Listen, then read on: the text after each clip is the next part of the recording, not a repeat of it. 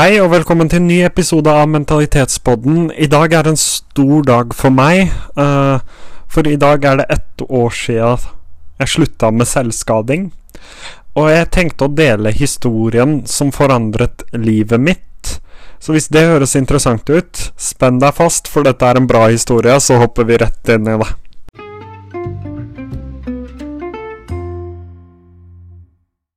I dag er også nøyaktig ett år sia. Eller i kveld blir vel nøyaktig ett år sia jeg ble innlagt pga. selvmordstanker.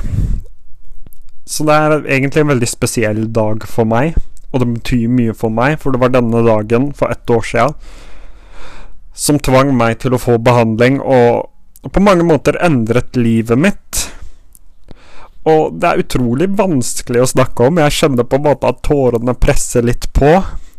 Ikke nødvendigvis fordi det er trist, men fordi du føler du har kjempet så hardt, og endelig har det gått et år, og du føler på en måte at du har klart det, uh, og at du er på riktig vei, men det er liksom uh, Bare en sånn enorm lettelse.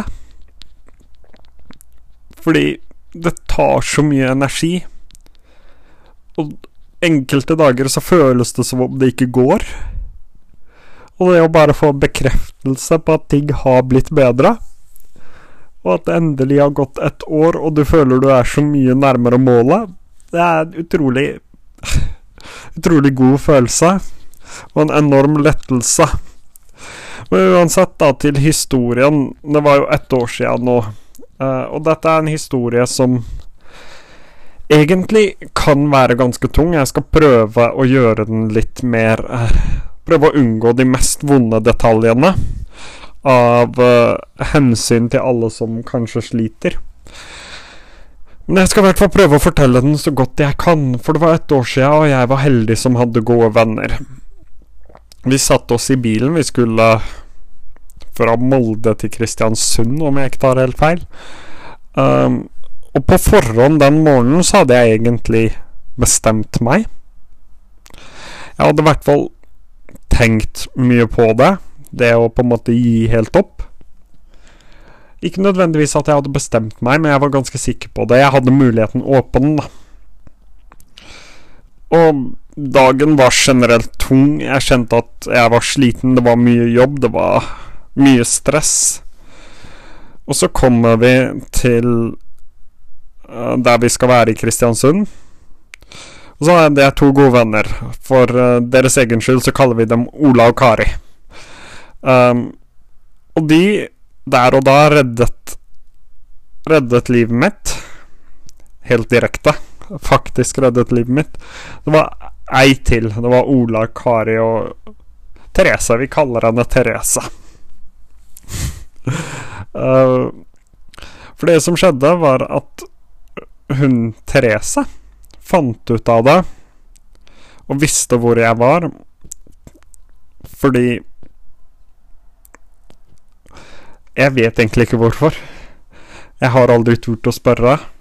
Men hun fant i hvert fall ut av det, og ringte da til Kari, som hun hadde gått i klasse med, og Ola og Kari var der sammen med meg. Og mens vi gikk bortover, så fikk jeg en telefon, fordi to hadde blitt igjen på på det rommet vi skulle være på resten av kvelden, mens jeg og en gjeng andre hadde gått ut en tur. Og jeg får beskjed om å komme tilbake, for det er noe viktig, det er noe som haster. Så jeg løper nå tilbake, um, og de spør meg idet jeg kommer inn, låser de døra, og så spør de meg hvordan går det egentlig? Og jeg svarer det at det går egentlig ikke så bra. Og de sier at ambulansen er på vei, du skal til legevakta, og så tar vi det derfra. Du kjenner på en måte et stort tap.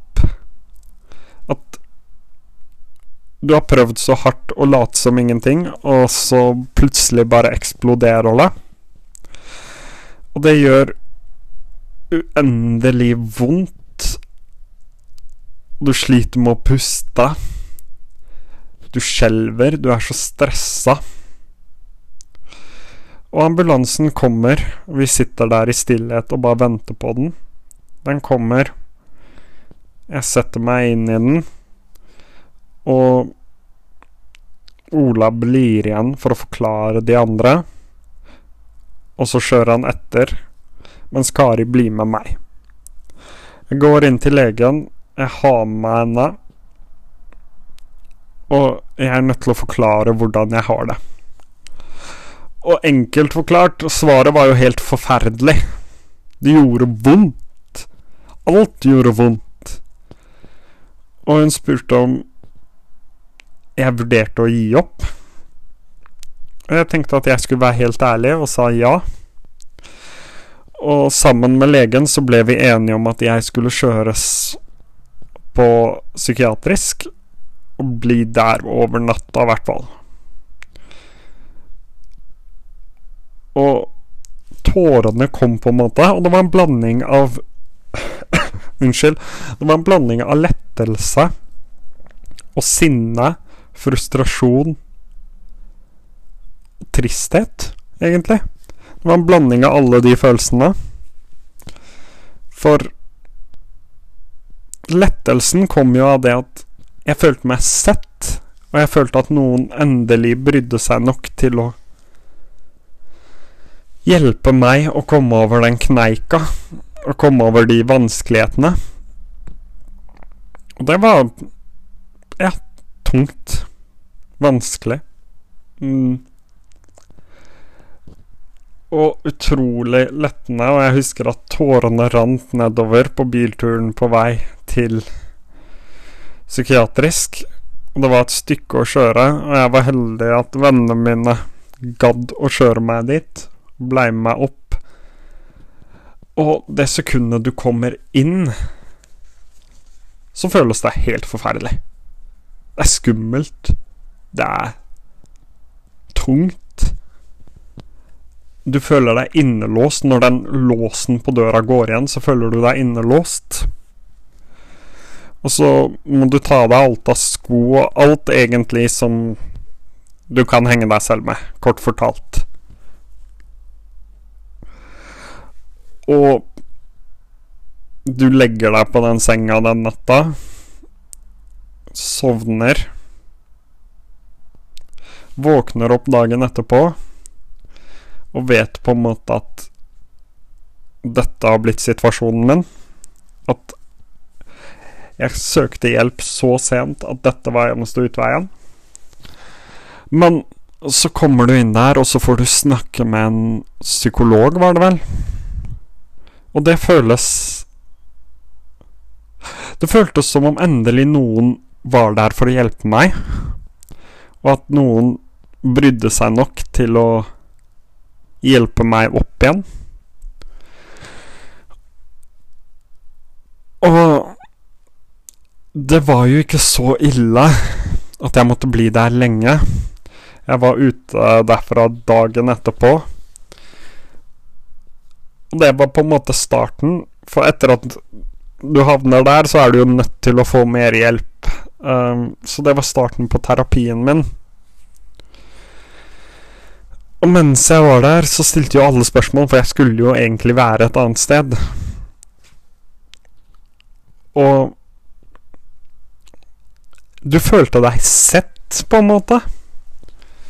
At folk så deg, at folk brydde seg. Uh, til tross for at du hadde gått veldig lenge og tenkt at det var ingen som la merke til meg. Og det kommer litt som et sjokk, da, hvor mange mennesker som egentlig er der, og egentlig bryr seg om deg, og egentlig vil hjelpe deg, bare at du ikke ser det selv. Og det starta hele prosessen med terapi. Nå, har det gått et år da, siden jeg begynte. Et år siden den kanskje verste dagen i livet mitt. Et år siden alt så helt mørkt ut. Og nå ser alt helt lyst ut. Moralen i historien er jo at det nytter å få hjelp. At det er ingen som er 100% håpløse, og at det alltid er et håp. For jeg Jeg hadde gitt opp. Når det egentlig var så mye å leve for. Så mange gleder, så mange øyeblikk, så mange drømmer. Så mange ting å få til, så mange mål å nå. Som jeg har klart på dette året. Altså, jeg gikk fra det å ha gitt opp til det å ha 15.700 følgere. 15.700 mennesker som er interessert i det jeg sier. Jeg gikk fra å føle meg ensom til å ha så mange gode venner som tar vare på meg, som bryr seg om meg, og som jeg bryr meg uendelig mye om. Jeg gikk fra å føle at familien ikke var der, til å tenke det at familien er det viktigste jeg har. Jeg møtte mange nye personer, blant annet kjæresten min som jeg ikke hadde fått møte hvis jeg hadde gitt opp. Podkasten min tok av, som jeg aldri hadde fått starta hvis jeg hadde gitt opp. Og det er så rart å se et år senere hvor langt man kan komme bare på ett år. Og det er ingenting mer motiverende enn å føle at du er på riktig vei og har kommet et langt stykke på veien. Det er ingen følelse deiligere enn det å føle at du har det bedre med deg selv. Og det er mange av de jeg har mistet på veien, som jeg skulle ønske så meg nå. For det er en helt annen Daniel som er her nå, enn den som var her for ett år siden. Ting er lysere. Ting blir mindre tungt. Jeg vet hvor jeg skal få hjelp når ting blir for tungt. Og jeg har lært meg å takle det meste som virker ufattelig tungt. Og det er som om verden har blitt snudd opp ned. Og jeg deler egentlig den historien her for å fortelle deg som har det utrolig tungt, at det snur. Det går an å få hjelp. Og det er ikke Det er ikke umulig å føle seg bra igjen. Det er alltid håp, og jeg er et vandrende bevis for det.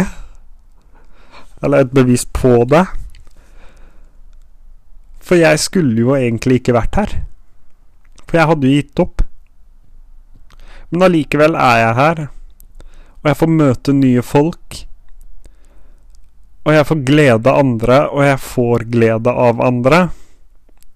Jeg får hjelpe så mange mennesker. Jeg får drive med det jeg liker. Jeg får studere. Jeg får nye venner. Moralen i historien er at det er håp, så spør om hjelp når du trenger det.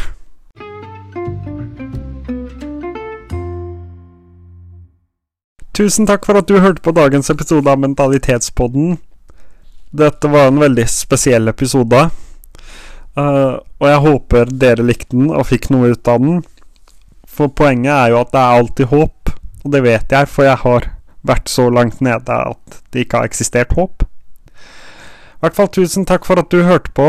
Gjerne abonner på podkasten, gjerne del den med en venn. Jeg tror det er mange som kunne ha godt av å høre en sånn historie med en lykkelig slutt. Uh, bare for å få vite at det eksisterer lykkelige slutter i livet òg. Hvis det skulle vært spørsmål, så er det på Snapchat Daniel Por ASG, D-A-N-I-E-L, P-O-U-R, ASG, eller på Instagram Askarian Daniel, A-S-G-H, A-R-I-A-N, og Daniel rett fram. Tusen takk for at du hørte på, og så høres vi nok snart igjen.